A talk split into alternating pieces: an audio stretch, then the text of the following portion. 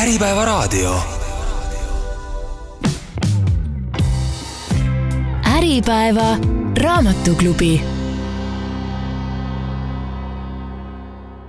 tere, eetris on Äripäeva raamatuklubi, mina olen Tuuli Seinberg ja minu külaline täna on Iivika Mägi, kes on omanimelise autismikooli asutaja ning koolitaja. ja meie tänane teema on see, kuidas maailm ei arvesta autistlike inimestega, kuidas töökohad ei arvesta nendega, koolid ei arvesta ja ka paari suhtes ei osata arvestada tihtipeale autistlike inimestega ning mida me saame kõik teha siis selle vastu, et see maailm võiks olla parem paik ning ka rikkalikum paik. ja meie vestluse alus on hiljuti Äripäeva kirjastusele ilmunud raamat pealkirjaga Ebatüüpiline, mille autor Peter Warmby on ise saanud täiskasvanu eas autismi diagnoosi ja kirjeldab läbi väga isikliku prisma seda, kuidas ta tajub maailma, millised aistingud tegelikult, milline värvirikas ja mürarikas maailm autistile võib avaneda. nii et ma pean ütlema, et minu jaoks oli see raamat üks äh, võib-olla viimase aastakümne kõige rohkem silmi avav, sest et me kõik nagu teame midagi autismist, me oleme kuulnud võib-olla midagi, mis on võib-olla müüt, me oleme võib-olla lugenud midagi, mis on küll teadusartikkel, aga pärineb kümne aasta tagusest ajast. seega nagu neid teadmisi õieti ei olegi ja see raamat oli selline, et vau mul on tahtmine vabandada kõikide ees, keda ma olen solvanud oma ignorantsusega, teadmata, kuidas nad tegelikult tajuvad maailma. Tere ka minu poolt ja aitäh, et kutsusite mind, et tõesti, see on, ähm, see autismi teema on ikkagi see, kus on minu hing ja süda sees ja täis kirega teen, nii et selles mõttes ma väga-väga hea meelega äh, jagan oma kogemusi, mõtteid ja teadmisi ja, ja tegelikult mul on väga hea meel kuulda seda sinu juttu just, Tuuli, et, et see kümne aasta tagune ja nii edasi, et autismi valdkond ongi maailmas väga kiiresti arenev ja sellepärast on ülioluline, et inimesed, kes autismi valdkonnas ka toimetavad või tegelikult ka inimesed tänaval, et nad ennast nagu viiks kurssi ka uuemate asjadega, sellepärast et mina ka täna näen seda üksjagu, et, et ei olegi alati nagu küsimus selles, et mõni inimene nüüd väga valesti teaks autismist, aga ta teab seda vana infot, eks ehk siis ka mina näiteks, kes ma olen viisteist aastat tagasi äh, alustanud oma autismi teekonda ja siis õppinud täitsa rahvusvahelistes tunnustatud äh, koolides Inglismaal ja USA-s ja nii edasi, et, et ka mina olen õppinud seal algselt seda infot, mis tänaseks on tegelikult vana, vana info juba, on ju. nii et ja raamatu kohta ma võin jagada sinuga täpselt samu tundeid, et, et minul võib-olla ei olnud niivõrd palju siin uut, kuivõrd palju oli mul hea meel lihtsalt et keegi nagu ka neid jälle neid niisuguseid tänapäevaseid ja kaasaegseid mõtteid nagu välja ütleb. nii et selles mõttes oli väga hea lugemine autor ütleb ka sellise tõsise fakti äh, siin välja, et kui vanasti arvati, et äh, selle diagnoosiga on umbes iga sajas inimene, siis nüüd olenevalt allikatest öeldakse, et kas iga kahekümne viies kuni kuuekümnes inimene. Ja nagu sa enne siin vestluses ka välja tõid, et paljud täiskasvanud tegelikult ei olegi enda diagnoosist teadlikud. et kuidagi on see arusaam, et jah, et meil on järsku tekkinud mingi autistlike laste buum, aga et tegelikult seal taga on ka autistlikud täiskasvanud, kes on kuidagiviisi oma elu ära elanud ja mõelnud, et nad ongi imelikud või neist on niimoodi mõeldud, et, et see on päris šokeeriv ja, ja toetan seda mõtet väga, sest mina näen ka oma töös täna seda, et kui äh, võib-olla viisteist aastat, kümme aastat tagasi äh, ma isegi ei mäleta, kas mul üldse nagu tuli mõni täiskasvanud inimene meie teraapiakeskusesse äh, või kuidagi, võib-olla olid üksikud, aga täna ma võiks öelda, et julgelt pooled on umbes täiskasvanud, kes siis kas tulevad ise, et on oma diagnoosi saanud või tekib see küsimus, et mul on kahtlus, et kas ma võiksin arutleda selle üle, et noh, et meil kui spetsia-, spetsialistid spetsialistid aitavad natuke kaasa mõelda, et kas võiks ja noh, muidugi diagnoosib selle arst ehk psühhiaater, eks, aga siiski see mõte peab ühel täiskasvanul, kes võib-olla täna on, ma ei tea, kolmekümne või neljakümne aastane, et kusagilt seal mõtte alge peab ju tulema, et ma üldse läheks kuhugile uurima ja diagnoosima, nii et mm, et selles mõttes jah, ma näen ka seda, seda praegu seda täiskasvanute hulgas nagu väga hüppelist nii-öelda uudishimu võib-olla selle teema vastu, aga olen ka nõus selle poolega, et olemas on nad kogu aeg olnud, ka need täiskasvanud on olemas olnud kogu aeg ja ka need lapsed, võib-olla et needsamad lapsed, kellega mina hakkasin viisteist aastat tagasi tegelema, on ju täna täiskasvanuks saanud, aga nemad on natuke teises olukorras selles mõttes, et nemad on saanud lapsena oma diagnoosi ja nendest kasvavad autistlikud äh, täiskasvanud, kes juba lapsest saadik teavad, et nad on autistid ja see on nende elu nagu normaalne osa, nad on käinud teraapiates, aga nüüd täiesti omaette osa ongi need autistid, et kui sa oled kolmekümne aastane, ja hakkad siis neid jooni võib-olla ise kuskilt märkama ja sind ei ole kunagi selles nagu toetatud, et siis on hoopis teised teemad, hoopis teised mured hoopis teised rõõmud võib-olla, nii et nii see on. Ja statistika koha pealt ma tahtsin nii palju kommenteerida, et et see on küll nagu põnev teema alati, eks ole, palju neid on ja nii edasi, aga ma kuidagi nagu oma töös ja elus olen aja jooksul hakanud seda nagu vähe tähtsustama, sellepärast et kuna see on niisugune hägune maa, et ta ei ole matemaatika, eks ole, autismi, autismis ei ole nagu võimalik, kuna ongi neid diagnoosimata autiste päris palju, siis samas on ka nii, et neid, kui me maailmapilti vaatame, kui palju siis seal Aafrikas või kuskil Kambodžas või kusagil üldse on neid diagnoosimisvõimalusi, et ega väga ei olegi, aga samas me ei tea, noh, me ei oska nagu mõelda, et kas seal on või ei ole. Ja samamoodi on hästi kuidagi minu meelest nagu teravad vaidlused nende üle, kas neid on nagu juurde nüüd tulnud, neid autiste, või siis ja vanasti oli vähem või ja, ja selle tõttu mina olen kuidagi hakanud täna nagu mõtlema seda, et jaa, et teaduse poole pealt ma hoian ennast kursis, kindlasti on teadusuuringud, mis toetavadki sedasama, mida raamat ütles, on teadusuuringud, mis kõik selle ümber lükkavad, hiljuti üks selline põnev nagu teadusartikkel, mille ma lugesin, oli lihtsalt see, et mm, mis on jälle üks, eks ole, väga paljudest, äh, oli see, et, et nagu vaadati selle nurga alt autismi, et kas neid on rohkem hakanud tekkima, kas neid tuleb rohkem. Ja siis äh,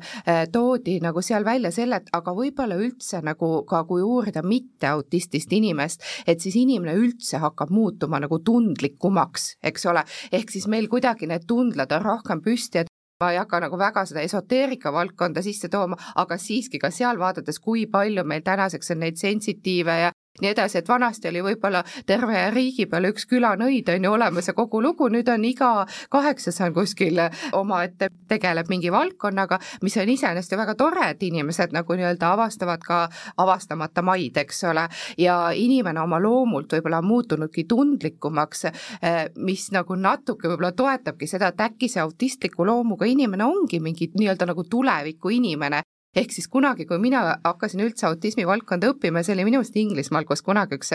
professor ütles just selle lause maha, et aga et vaadake autiste umbes nii, nagu nad on nagu nad oleks inimene, kes on meie ajast umbes sada aastat ees, on ju. et kui me nüüd mõtleme tänast inimest sada aastat tagasi, et siis kui me oleks täna läinud sinna sada aastat tagasi inimesele rääkima mobiiltelefonidest või või wifi'st või millestki, siis meid oleks raudselt ravima hakatud ja diagnoosima hakatud, on ju, et siis vaadake nagu autiste umbes samamoodi, et nagu nad oleks sada aastat ees meie ajast, et võib-olla saja aasta pärast ongi kõik inimesed sedalaadi oma selle tundlikkusega ja kõigega ja me korraldame oma maailmaelu ümber ja ongi kõik okei okay,, eks ole, et meil ei ole vaja pannagi mingeid silte, et kes on ma ei tea, häirega või mitte häirega või nii edasi, vaid see lihtsalt üks nagu inim, tüüp, kes on natuke meie ajast ees, on ju, nii et, nii et jah, aga ütleme üleliia ma ei, ma ei, võib-olla ei pöörakski sellele statistikale tähelepanu, sest see on tõsi, et me ei saa tegelikult täna adekvaatset statistikat öelda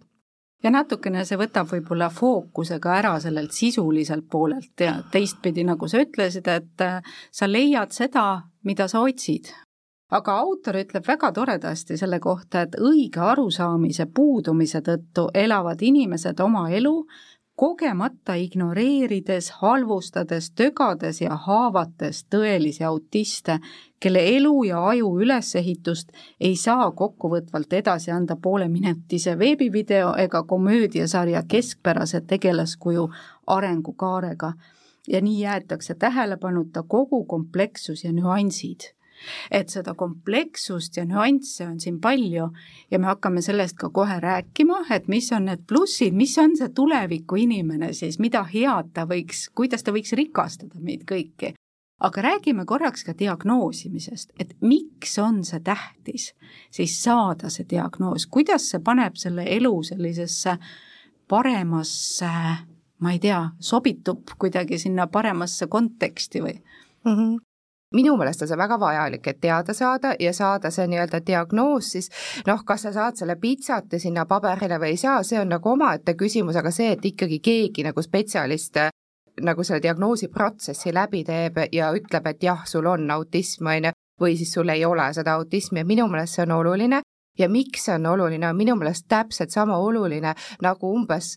eneseteadlikkuse küsimus, eks ole, et ma saan teada, kui pikk ma näiteks olen, on ju, siis ma tean, et kas ma saan siit ukseaugust niimoodi läbi minna, et ma ei pea kummardama või ma pean kummardama, sest muidu ma löön oma otsa ja siis veriseks, on ju. Ja kui ma olen pikem inimene kui keskmine inimene, siis on ju väga hea teada, et mina olengi see pikk inimene, mul ei ole midagi valesti, aga ma lihtsalt olen pikem kui teised, on ju, ja ma tean, et ma iga uksepiida ees kummardan, sest muidu ma käingi elu lõpuni otsaesine verine ja mõtlen, et maailm kiusab mind, eks ole et noh, et see, seesama mõte on tegelikult ju kõikide, miks me tahame teada, mis temperamendiga me oleme, miks me tahame teada, mis soost me oleme, on ju, kuigi see on ka tundlik teema täna, eks ole, või miks me tahame teada, ma ei tea, mis värvi riided mulle selga sobivad, et kõik see on see enese nagu teadlikkuse tõstmine, sellepärast et see eneseteadlikkus võimaldab mul paremini ennast toetada. Ja teine pool ongi ju see, et kui ma näiteks saan teada, et ma olen väga pikk inimene, siis ma õpin kummardama uksepiitade ees, muidu ma ei tea, et ma pean nii tegema, eks ju.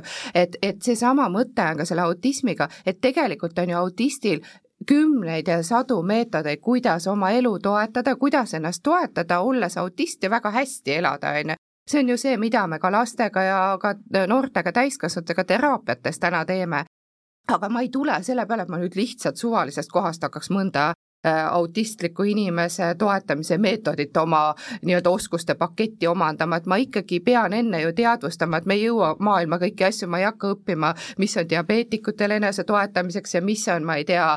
kes kosmoses käivad, nendel enese toetamiseks vajalik, on ju, või mägironijatel, et me ikkagi otsime neid meetodeid, mis nagu haakuvad meie olemusega. Ja kui ma saan teada, et jah, ma olen autist, siis ma saan mõelda ja õppida juurde neid meetodeid, millega ennast toetada ja kuidas ka teistele nagu öelda, eks ole, et kuidas nendele kolleegidele öelda või abikaasale öelda või lastelegi öelda, et näiteks mul on seal autistist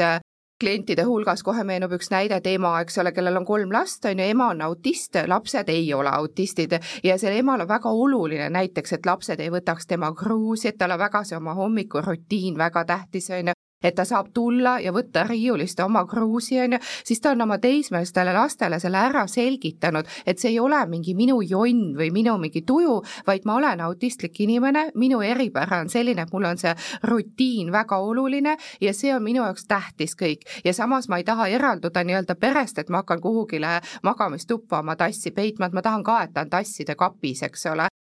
ja kõik lapsed saavad arvestada ja abikaasa saab arvestada sellega, et teised inimesed saavad aru ka, on ju, kui mina oskan seletada, aga ma ei hakka seda lihtsalt oskama seletada, on ju. ja vot see näide, mis sa alguses lugesid, on minu meelest umbes noh, tegelikult on see ju iga, iga eripära puhul, et, et kujuta nüüd ette, et sa oled näiteks, ma ei tea, diabeetik, eks ole, keegi tuleb sulle lahkelt kommi pakkuma ja viskama mingisuguseid nalju selle teema üle, eks ole, et noh, tegelikult sinu jaoks ei olegi nagu nali, on ju, et sama on autisti puhul, et et jah, et seda võib ju mingiks huumoriks alati keerata, aga aga noh, ma arvan, see ei ole tegelikult kokkuvõttes selles mõttes naljakas, et pigem töötavad paremini need filmid ja etendused, kus on nagu päriselt avatakse seda autisti olemust, neid on ka tänasel päeval päris palju õnneks ja siit raamatust saab ka seda ainest väga palju mõtisklemiseks ja ka enda noh, nagu mina vaatasin ringi enda tutvusringkonnas, ma sain aru, et miks mingisugune inimene käitub niimoodi, ma sain aru, kuidas nagu võib-olla lugupidavamalt ja toetavamalt temasse suhtuda. tõepoolest, nagu sa ütlesid, et ta ei ole, ta ei jonni, ta ei ole pahatahtlik, aga see on tema eripära aga võtamegi ette nüüd natukene need jooned, et, et need kuulajad, kes ei ole mõelnud võib-olla veel sellele, et võiks olla mingid autistlikud jooned, aga nad on tundnud ennast ebamugavalt teatud olukordades, nad on tundnud mingit teatud konflikti sellises neurotüüpsete inimeste domineeritud maailmas kus tihtipeale tavalised inimesed ütlevad ka, et ah, mul on natukene spektrit või et või teine termin, mille autor toob ka sisse, on see habilism, suutmissurve. ehk siis sa pead toime tulema, unusta ära oma eripärad, unusta oma veidrused, käitu normaalselt. ja siit tuleb autistidele omane see maskeerimise küsimus ka. mis on need jooned, mis on need plussid, see tulevikuaju ja mis on need raskused? jaa, no iseenesest muidugi jälle see, et kõik need jooned läbi võtta, oleks siin tervet koolituspäeva vaja ja mis koolitused on ka meil autismikoolil olemas, nii et olete teretulnud osalema, aga ma räägiks võib-olla just, kui me täna seda fookust võtame täiskasvanute maailma ja võtame nagu selle maailma, kus võib-olla täiskasvanud inimene on nagu elanud oma elu ja just märganud, et mul on need raskused ja ma kuidagi ei sobitu, siis noh, võib-olla alustame seal sellest üleüldse, et, et hästi lühidalt ja kokkuvõtlikult, et mis see autism üldse, eks ole, on, et autism võib-olla niisuguses hästi lihtsustatud nii-öelda pildis on umbes nii, nagu ma ei tea, et võtame mingi õhupalli ja paneme sinna väiksed pinksipallid sisse, on ju, siis ongi nii, et autism on nii-öelda piiratud ikkagi selle välise kestaga ja need pinksipallid on iga pall, seal on see autistlik joon nii-öelda, et need, neid on mingi hulk. Ja autism tõepoolest, nii nagu sa ütlesid, saab kas olla autist või mitte olla autist, et sa ei saa olla nagu natuke, et igaühes meis on natuke autismi, et et see on noh, umbes nagu see võrdlus, et, et kui mulle maitseb riis, et siis ma ei ole natuke hiinlane, eks ole, et noh, et, et siis mulle lihtsalt maitseb riis, et et samamoodi mõni autistlik joon nii-öelda võib ka olla mõnel inimesel noh, ma ei tea, isikupära või midagi sellist, aga see ei tähenda, et ta on natuke autist, et sa saad ikkagi olla kas autist või mitte autist, on ju. aga ma tooks niisugust kolm nagu peamist joont äkki välja, et mis on sellised noh, minu meelest niisugused tugevad indikaatorid, kust võib nagu mõtlema või märkama hakata, on ju, et äh, üks on äh, see meelte ülitundlikkus, äh, nägemine, maitsmine, haistmine, nahatundlikkus ja need võivad olla kas kõik meeled ülitundlikud või siis osa nendest. ja kui ma olen nüüd inimene, kes võib-olla ei ole kunagi mõelnud, et ma võiks autist olla, aga ma terve oma elu mäletan, et ma näiteks ei saanud pinginaabriga koos istuda, sest mul oli kogu aeg nagu kas valus või ebamugav, on ju, ja nüüd, kui ma saan vanemaks, ma hakkan kas teadlikult või alateadlikult vältima üldse olukordi, kus ma pean inimestega koos istuma, näiteks ma ei lähe teatrisse enam sellepärast, et kuigi mulle võib-olla väga meeldib teatris, aga ma ei lähe, sest ma ei talu seda teise inimese kõrval istumist, on ju, või siis ma olen juba avastanud omale mõne nipi näiteks, et ma lähen kinno ja ma ostan omal kõrvaltkoha ka ära, ehk ma ostan omale kaks piletit, on ju, Võtan otsapealses kohas, istun ise sinna, ei tule kedagi kõrvale, ostan omal kõrvalt koha ka ära. aga noh, see eeldab jälle sellist finantsi olemasolu, eks ole, aga noh, lihtsalt, et kui ma hakkan avastama ennast mõtetelt, et ma tahaks minna sinna kinno või ma tahaks minna selle bussiga Tartusse, aga ma ei talu seda mõtet, et mul keegi kõrval istub, on ju. ja mitte see ei ole lihtsalt see, et ah, mul on natuke ebamugav, et eks me kõik istuks ju nii, et Tartu bussis ei istu mul keegi kõrval, on ju, aga see on see, et ma pigem jätan minemata, sest ma ei talu seda mõtet, et mulle keegi kõrvale istub, on ju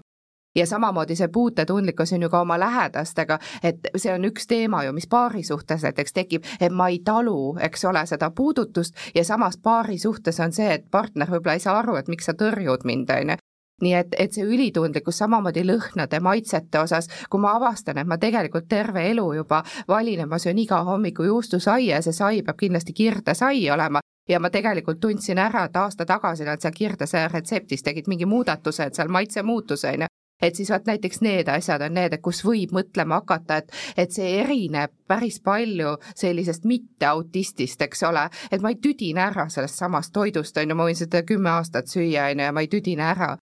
või siis äh, helitundlikkus, et äh, tavalised helid, mis ähm, ma märkan näiteks kusagil, ma ei tea, tööl, et kedagi nagu ei sega mingi heli, et mingi ventilaator suriseb näiteks ja ma näen, et kedagi ei sega, aga minul on kõrvadel nii valus, et ma tegelikult juba tunnen, et mingi peale kolmandat tundi, et ma hakkan kergelt hulluks minema juba, et mul on füüsiliselt valus juba olla ja ma ei saa aru, kuidas teistel see ei sega üldse, on ju vot need on nagu niisugused indikaatorid, kus saab seda ülitundlikkust hakata mõtlema, et ju minuga on midagi, on ju noh, siis teine on, joon kindlasti ongi see, see rutiinivajadus, vaat seesama tassilugu, mis ma rääkisin, või see, et ma ikkagi sõltumata ma ei tea, päevast, perioodist, puhkusest, mittepuhkusest on mul vaja, et ma iga hommiku tõusen näiteks kaheksa kolmkümmend, on ju, ja kui ma ei saa mingil põhjusel tõusta kaheksa kolmkümmend, siis see ajab mind väga ärevusse, et see tegelikult lööb mul terve päeva sassi, on ju või siis mul, ma ei tea, mu lemmiksärk, millega ma iga päev võin käia, et mul ei ole mingit probleemi, et ma iga päev käin oma lemmiksärgiga ja see kulus läbi näiteks ja mul on täitsa niisugune tunne, et ma hakkaks tegelikult töölt ära tulema just sellepärast, et ma ei suuda mõelda mõtet, et ma mingisuguse uue särgi nüüd omale panen selga. Need on need rutiinivajaduse näited ja siis võib-olla kolmanda joonena lihtsalt mitmetest joontest veel, on ju, kolmanda joonena toon need stimmingud, et ma ei teagi, kas sellel eesti keeles ongi mingit head sõna, aga stimmingud on põhimõtteliselt sellised nagu liigutused või häälitsused, mida ma teen nagu alateadlikult või intuitiivselt ja need on mõeldud nagu inimesele eneseregulatsiooniks. ehk kui mul kas ärevus läheb kõrgemaks või, või on see toonus hoopis madal, et ma tahan ennast nagu natukene aktiviseerida, siis ma võingi kas noh, tavainimestel tegelikult on sageli see pastaga klõpsutamine, jala väristamine, aga noh, autistil võib olla näiteks, ma ei tea, käte vär-, niisugune, ma ei oskagi öelda, kätega mingite liigutuste tegemine või siis mingite häälitsuste tegemine või midagi sellist ma teen, mida ma vajan, et ma, ma nagu pean saama seda teha, sellepärast et muidu mu ärevus ei lähe alla, kui ma ei saa seda teha seda ei saagi nagu ära võtta, ei ole vaja ära võtta, aga ma saan selle välja vahetada võib-olla mingi keskkonnas sobivama vastu, et kui ma ei tea, mul ongi mingi heli tekitav näiteks häälitsus, siis ma saan selle vahetada, ma ei tea, mingi stressipalli või selle, need on need mullikilelaadsed või need popetid, eks ole, kus ma saan neid mulle pigistada, et mingi selline asi omale nagu võtta. Ja ma arvan, et kõik need kolm joont ka, mis ma praegu rääkisin, nad lihtsalt ongi nii nagu autism lihtsalt on, ta ei ole hea ega halb, ta lihtsalt on, eks ole, nii nagu ma ei tea, naine olla ei ole hea ega halb, lihtsalt on. Sama on autismiga, et autist olla lihtsalt on, omad plussid, omad miinused, on ju näiteks needsamad kolm joont, et ega see ülitundlikkus, et kui me mõtleme, et ma olen isegi käinud ühte filmi vaatamas, kus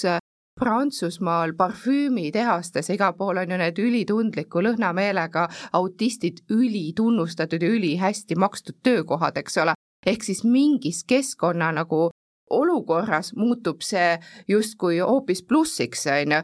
muutub tugevuseks ja nii on ju absoluutselt tegelikult iga asjaga, et nendest joontest midagi, mis on sul ühes keskkonnas äh, nii-öelda nõrkuseks või puuduseks, teises keskkonnas muutub see tugevuseks, nii nagu me sellest väga pikast inimesest räägime, eks ole, et kui on äh, tavakõrgusega uksed ja inimene on näiteks kaks viiskümmend pikk, on ju, siis ta on nagu justkui on see puudus, sellepärast et ta peab igal pool kummardama ja ta ei leia õiges suuruses riideid omale, aga kui on kõrgel kapi otsast midagi vaja alla võtta, siis ta on ainuke, kes ilma taburetita seda teha saab, on ju nii et tegelikult iga see joon ei olegi ei, ei nagu puudus ega, ega mingisugune eriline asi, vaid ta on lihtsalt üks eripära, on ju, millel on omad tugevused ja nõrkused. ja me räägime täna Pete Wombi raamatust Ebatüüpiline, kuidas maailm ei arvesta autistlike inimestega ja mida me kõik saame selle vastu ette võtta. Ja tegelikult me räägimegi laiemalt sellest, et kuidas võiks tööandjad, pereliikmed, kes iganes autistidega kokku puutuvad, neid niimoodi võimestada ja toetada, et nad saaksid endast tõepoolest selle parima anda ja ise õnnelikuks jääda, sest nagu autor raamatus ütleb, on paraku tänapäeval autistidega sageli kaasnev nähtus ka depressioon, just nimelt, sest seda survet, seda suutmissurvet on palju ja autistid peavad oma selliseid eripärasid maskeerima tihtipeale. sa tõid eelmise pooltunni lõpus välja need jooned, mis võiks panna mõtlema, et äkki on inimesel tegu autismiga, kui tal ei olegi näiteks diagnoosi, aga ta on tundnud ennast kuidagi ebasobivana meie ühiskonnas. aga on üks tohutult hea omadus, mis siin raamatus on ka väga palju käsitlemist leidnud, see on selline hüperfookus, hüperkeskendumisvõime ja autor ütleb, et see on selline ressurss, mida lihtsalt ei osata praegu ära kasutada. mis see hüperfookus on ja kuidas seda siis võiks kasutada, kuidas see avaldub? no võib-olla kõige lihtsam on läbi näidete sellest aru saada, et mõtleme korraks näiteks mõne teadlase peale, eks ole, et see teadlane, kes võtab siis mingi teema ja hakkab süvitsi, olgu see kas või ma ei tea, mingi piibelehe raku, leheraku mingisugune ülesehitis, ehitus, eks ole, et et mingi hästi niisugune spetsiifiline asi ja vot see, see tähendabki seda, et nüüd ma olengi nii-öelda nii sees selles teemas, et ma süvenen, ma otsin, ma leian, ma justkui, ma olen isegi nagu öelda, et minu meelest see on justkui isegi mingisugune kanal kuskil kosmosega on ka lahti, et lisaks sellele ma loen, õpin, uurin, leian teaduskirjandust, mind huvitab see, lisaks sellele veel kuidagi ma nagu imen seda infot nagu endasse külge et see on selles mõttes jah, et, et see on autistidele tõepoolest, kui neid jooni võiks nagu edasi loetleda, et siis see on üks nagu järgmisi jooni, mida ma kindlasti oleksin ka ise välja toonud. Ja, ja et see tähendabki seda, et ma olen võimeline süvenema ja keskenduma, nii et mu motivatsioon ja huvi on äärmiselt kõrged pikaajaliselt ja pidevalt ja võib-olla kohati isegi natuke nagu ära uppuma sinna teemasse, eks, ehk siis täiskasvanutel võib see väljenduda äh, mingis äh,, ma ei tea, vahest võib isegi tunduda, et a la nagu mingis mõttetus väikeses detailis, aga tasub hakata sealt ikkagi edasi uurima, et miks või mis see mind huvitab. samas mõni just leiabki oma näiteks juba töö ja eriala millegi selle. lastel ja noortel, mis on see, et nendel sageli juhtub see, et, et neid huvitabki koolis üks õppeaine, näiteks see, mis on seotud tema selle erihuviga, või isegi mulle meeldib sõna nagu süvahuvi väga, et mis on tema selle süvahuviga seotud, et et noh, minu poeg on näiteks täna seitsmeteistaastane, ta on nii kaua, kui ma mäletan, on tema süvahuvi olnud ajalugu ja eriti nagu spetsialiseerudes sõdade ajaloole. Ja ta on tõesti selles nii tark ja näiteks täna me sageli arutleme selle üle, et aga et miks seal koolis üldse peab seda mingit eesti keelt õppima, näiteks sellepärast, et ta ütleb, et mul ei ole eesti keeles mitte midagi lugeda selle selle ajaloo kohta, et mul on eestikeelne materjal juba, ma ei tea, kümneaastaselt läbi töötatud kõik, on ju, mul ei ole midagi lugeda, et miks ma seda eesti keelt üldse pean õppima. ehk siis nagu nendel sageli see hüperfookus tähendabki nagu justkui seda, et, et kogu see asi ehitub siis nii-öelda üles selle peale, mis mind huvitab, eks aga et, et jah, et kus on nagu need ohukohad, on see, et võib kaduma minna näiteks millessegi, et ma ei tea, oletame, et ma ei tea, poliitika näiteks on minu erihuvi, et siis võib vahest juhtuda nii, et ma hakkan näiteks mingit ühe maailma poliitiku elulugu ja kaongi sinna ära, ma uurin seda ülipõhjalikult, aga ma ei saa seda nagu rakendada kusagil, eks ole, et see on lihtsalt nagu mingi erahuvi, mis mind hästi sügavalt huvitab, aga ma ei leia nagu rakenduspinda sellele aga noh, samas on nii, et kui keegi võiks ju kõrvalt siis nagu aidata otsida neid seoseid, eks ole, et millega seda siduda ja võib-olla sealt võib laiendatult nakatuda mingi üldisem poliitika uurimishuvi näiteks või või midagi sellist, et, et nii, et see on ka hästi oluline, keegi nagu kõrvalt natuke aitaks neid siduselemente tekitada. aga jah, see hüperfookus on kindlasti see ressurss, mida saab ära kasutada ja nii-öelda tugevusena, autisti kindlasti tugevusena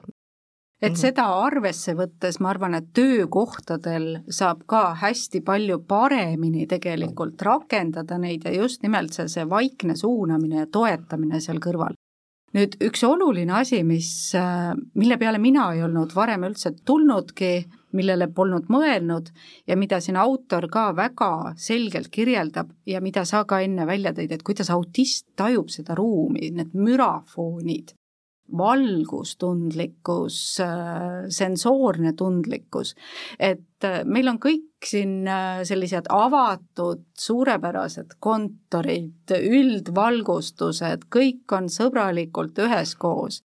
veel moodsamates kontorites võib olla niimoodi, et seal ei olegi igal inimesel oma istekoht, vaid et lähed hommikul tööle ja vaatad, kuhu sa siis potsad samas ma tean, et näiteks on selline liikumine olemas, et on migreenisõbralik töökoht, et kohati nagu migreenikutel on needsamad eripärad, et ta tahab teatud kindlat temperatuurivahemikku, valgustingimusi ja nii edasi. et võiks olla ju ka niimoodi, et arvestatakse töökohtades ka sellega, et see autist tõepoolest, nagu sa ütlesid, kuuleb seda ventilaatori müra juba iseenesest, rääkimata sellest, kui kolleegid selja taga kogu aeg räägivad. et kuidas seda töökoharuumi võiks sättida selle vaatenurga alt?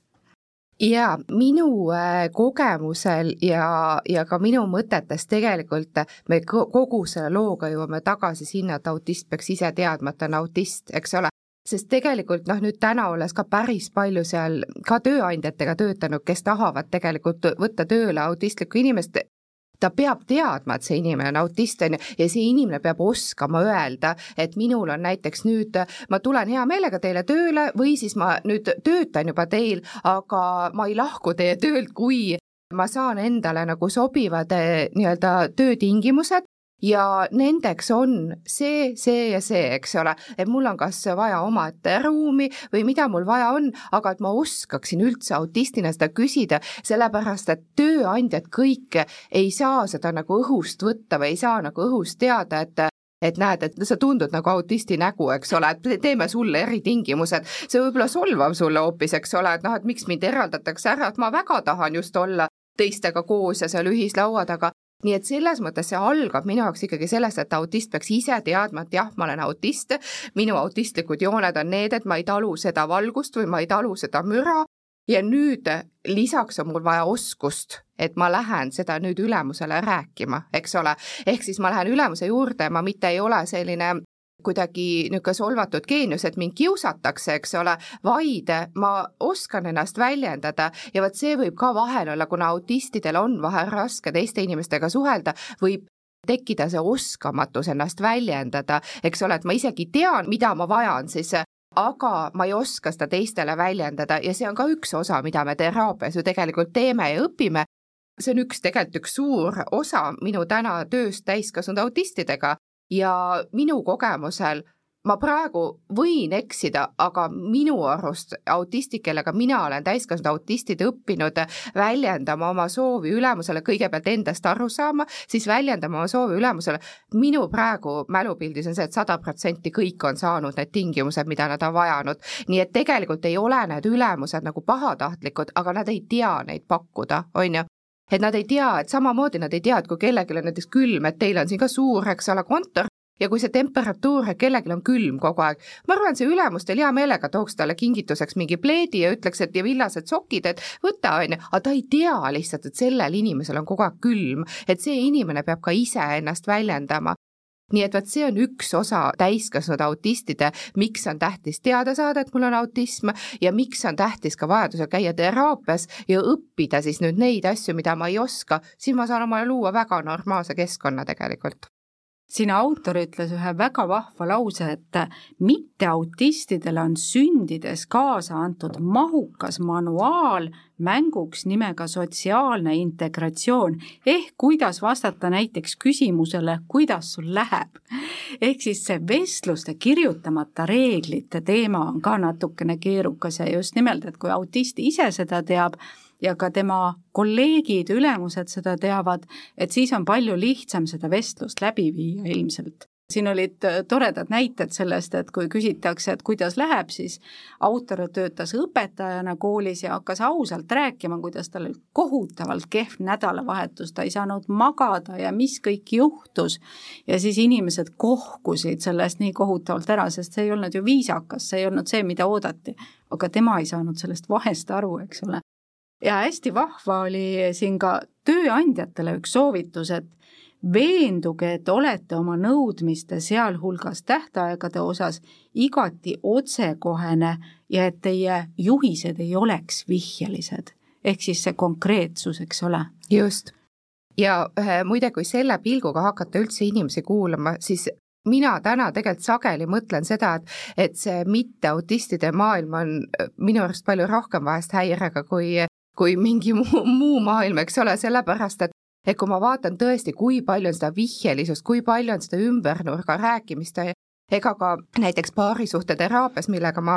oma töös tegelen, kus on ka mõlemad mitteautistid, eks ole, et siis ka nendel seitsekümmend protsenti on ikka kommunikatsioonihäired, et üks ei saa ühele selgelt väljendatud ja teine ei saa teisele selgelt väljendatud ja siis samas ma näiteks ise märkan seda, et, et tõenäoliselt see töötamine autistidega ikkagi viisteist aastat ja kasvatades autistlikku last on teinud selle, et ma olen ise õppinud väga selgelt ja konkreetselt ennast väljendama. Ja kui palju selle peale nagu ära ehmatatakse või võetakse seda nagu kuidagi nagu niisuguse isegi kohati nagu rünnakuna või sellise ma ei oskagi öelda, nagu negatiivsena. Ja ma alati nagu siis kuidagi püüan aru saada, et aga miks see on nagu negatiivne, kui me räägime mingi hägusest mullist, siis see tulemus on ju see, et tegelikult inimesed ei saa, pooled inimesed ei saa aru, ka mitteautistid ei saa aru, millest me räägime, on ju. Kui rääkida otse ja selgelt, siis kuidagi inimene nagu kohkub selle peale, aga tegelikult on see minu meelest palju parem suhtlemise viis, on ju, kui niisugune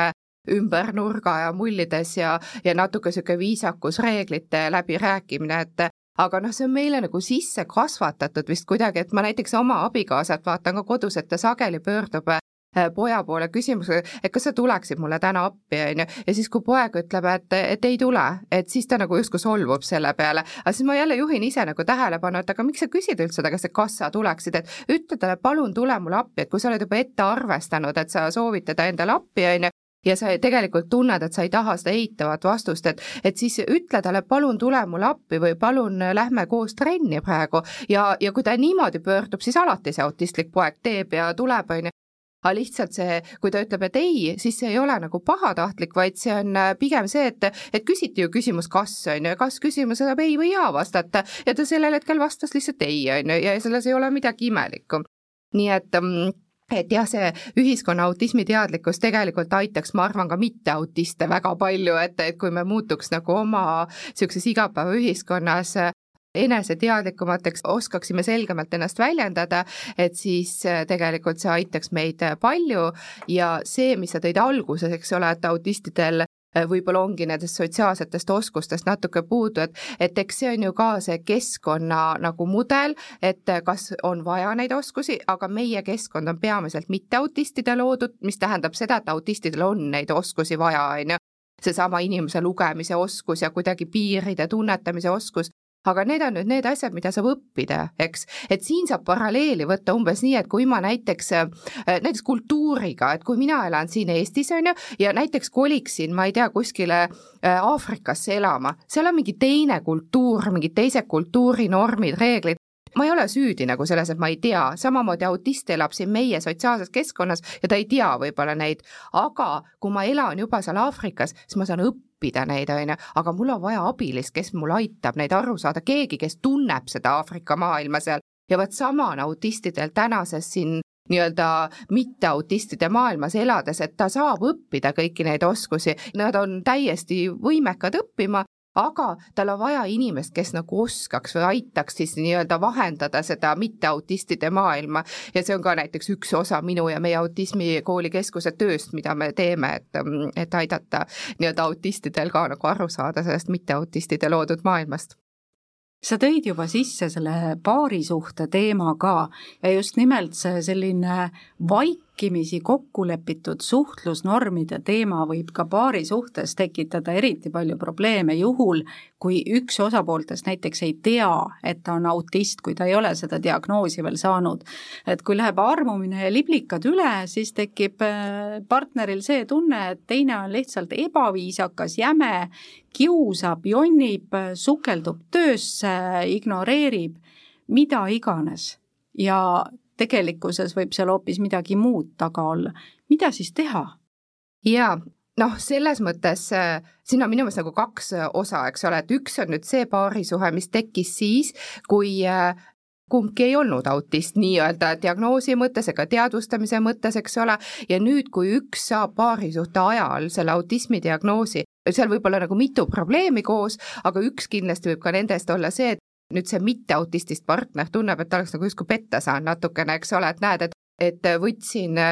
kaasa omale või, või abiellusime ja, ja siis selgus nüüd, et tegelikult mingi asi tuli elu jooksul välja, mida ei saa muuta, ei saa ära võtta, ei saa kuhugile panna, eks ole, ja on vaja õppida sellega elama ja tekib see küsimus, aga kas ma tahan, et ma nagu justkui ei valinud ju seda, eks et noh, seal on üks osa nii-öelda tööst, millega ei pruugi ise oma paari suhtes suuta nagu hakkama saada, et miks see teraapia on minu meelest nii oluline. et see on nagu üks teema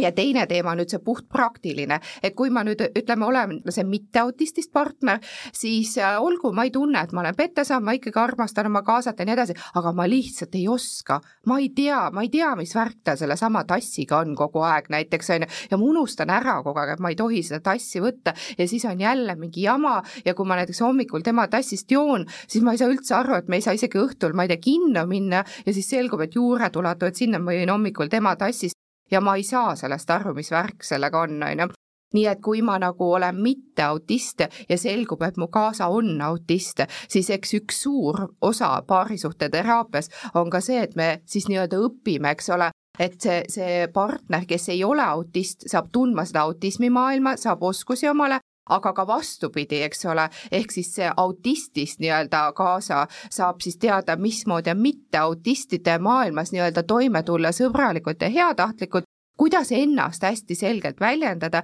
sest eks see on ikkagi niisugune kahe maailma kokkusaamine. Juba, see ei ole ka nii, et et me nüüd, äh, kui üks partneritest on autist, siis kogu perekond peab ainult autismi nagu raamides toimetama, et eks autist peab ka, et saab õppida ka seda pingutamisoskust ja natukene nagu toimetulekut, ilma et ta läbi põleks, ilma et ta tunneks, et teda kuidagi vähendatakse, aga et nagu õppida sellist äh, toetatud toimetulekut ja et kusagilt ju ongi need asjad autistil ka, millega ma võin nii-öelda järeleandmisi teha ja mingid asjad on, millega ma ei suuda järeleandmisi teha. ja kui ma endas juba tean, et minuga on nii, siis ma saan neid tutvustada oma pereliikmetele või oma kaasale ja siis ka vastupidi, et kaasal on ju ka mingid asjad, mille osas ta võib selle autistliku nii-öelda eripäraga arvestada, aga mingid asjad on, kus maalt ta ei saa. Ja siis see on ka üks see koht, mida me teraapias teeme, et proovime siis lahendada neid asju, kus nii-öelda üks ei saa ja teine ei saa, et mis siis saab, et kui üldises mõttes paarisuhe ikkagi toimib hästi või on pere loodud juba, et mina olen väga suur ressursiotsija terapeudina, et ma ikkagi püüan nagu otsida neid ressursse ja lahkuminek on nagu see viimane asi, eks ole, et ähm, nii et nagu püüda leida, üldiselt õnnestub ka neid leida, neid ressursse ikkagi, kuidas see asi nagu toimima saada. See on hea teada, et neid ressursse on võimalik leida, kuidas toimima saada, ma usun, paarisuhe, tööelu, lihtsalt peab olema tahtmist ühel poolel ja teisel poolel, et jõuda sellele ühisele arusaamisele, siis ühisele teineteise toetamisele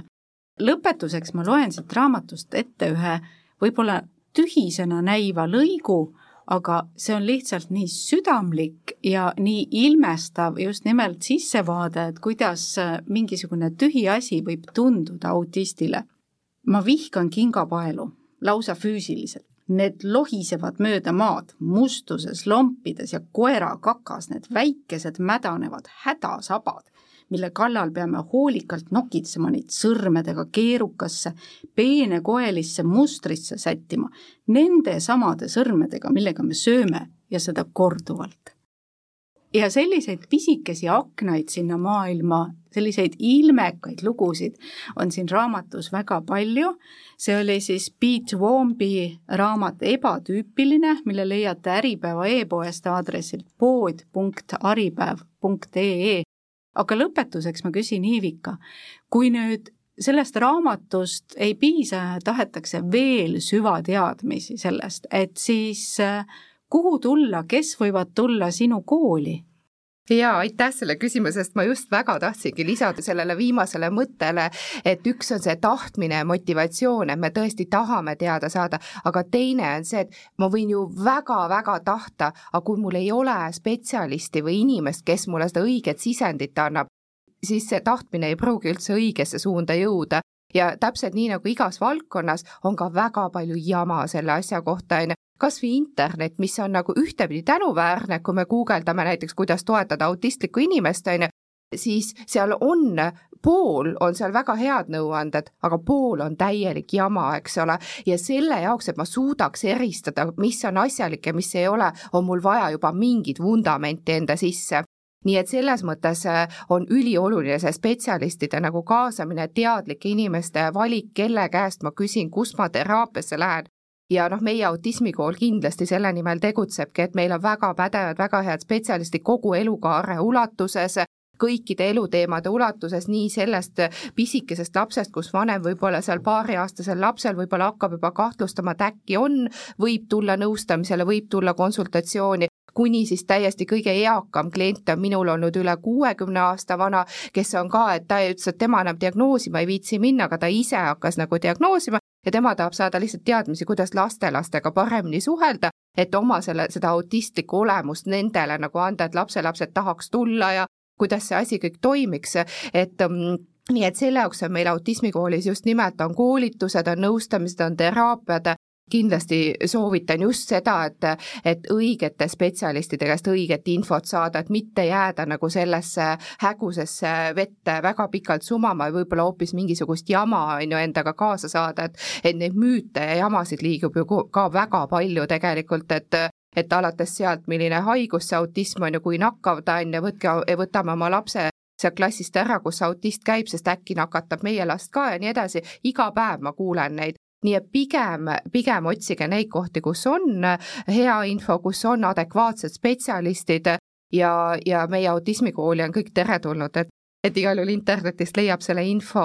üles, et www.autismikool.ee on meie pesa. aitäh saatesse tulemast, Iivika, aitäh kuulamast ja ma loodan, et siit saatest saite vähemalt selliseid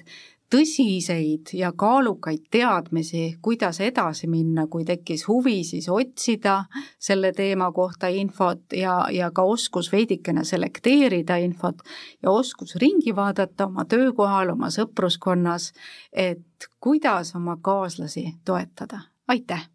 aitäh!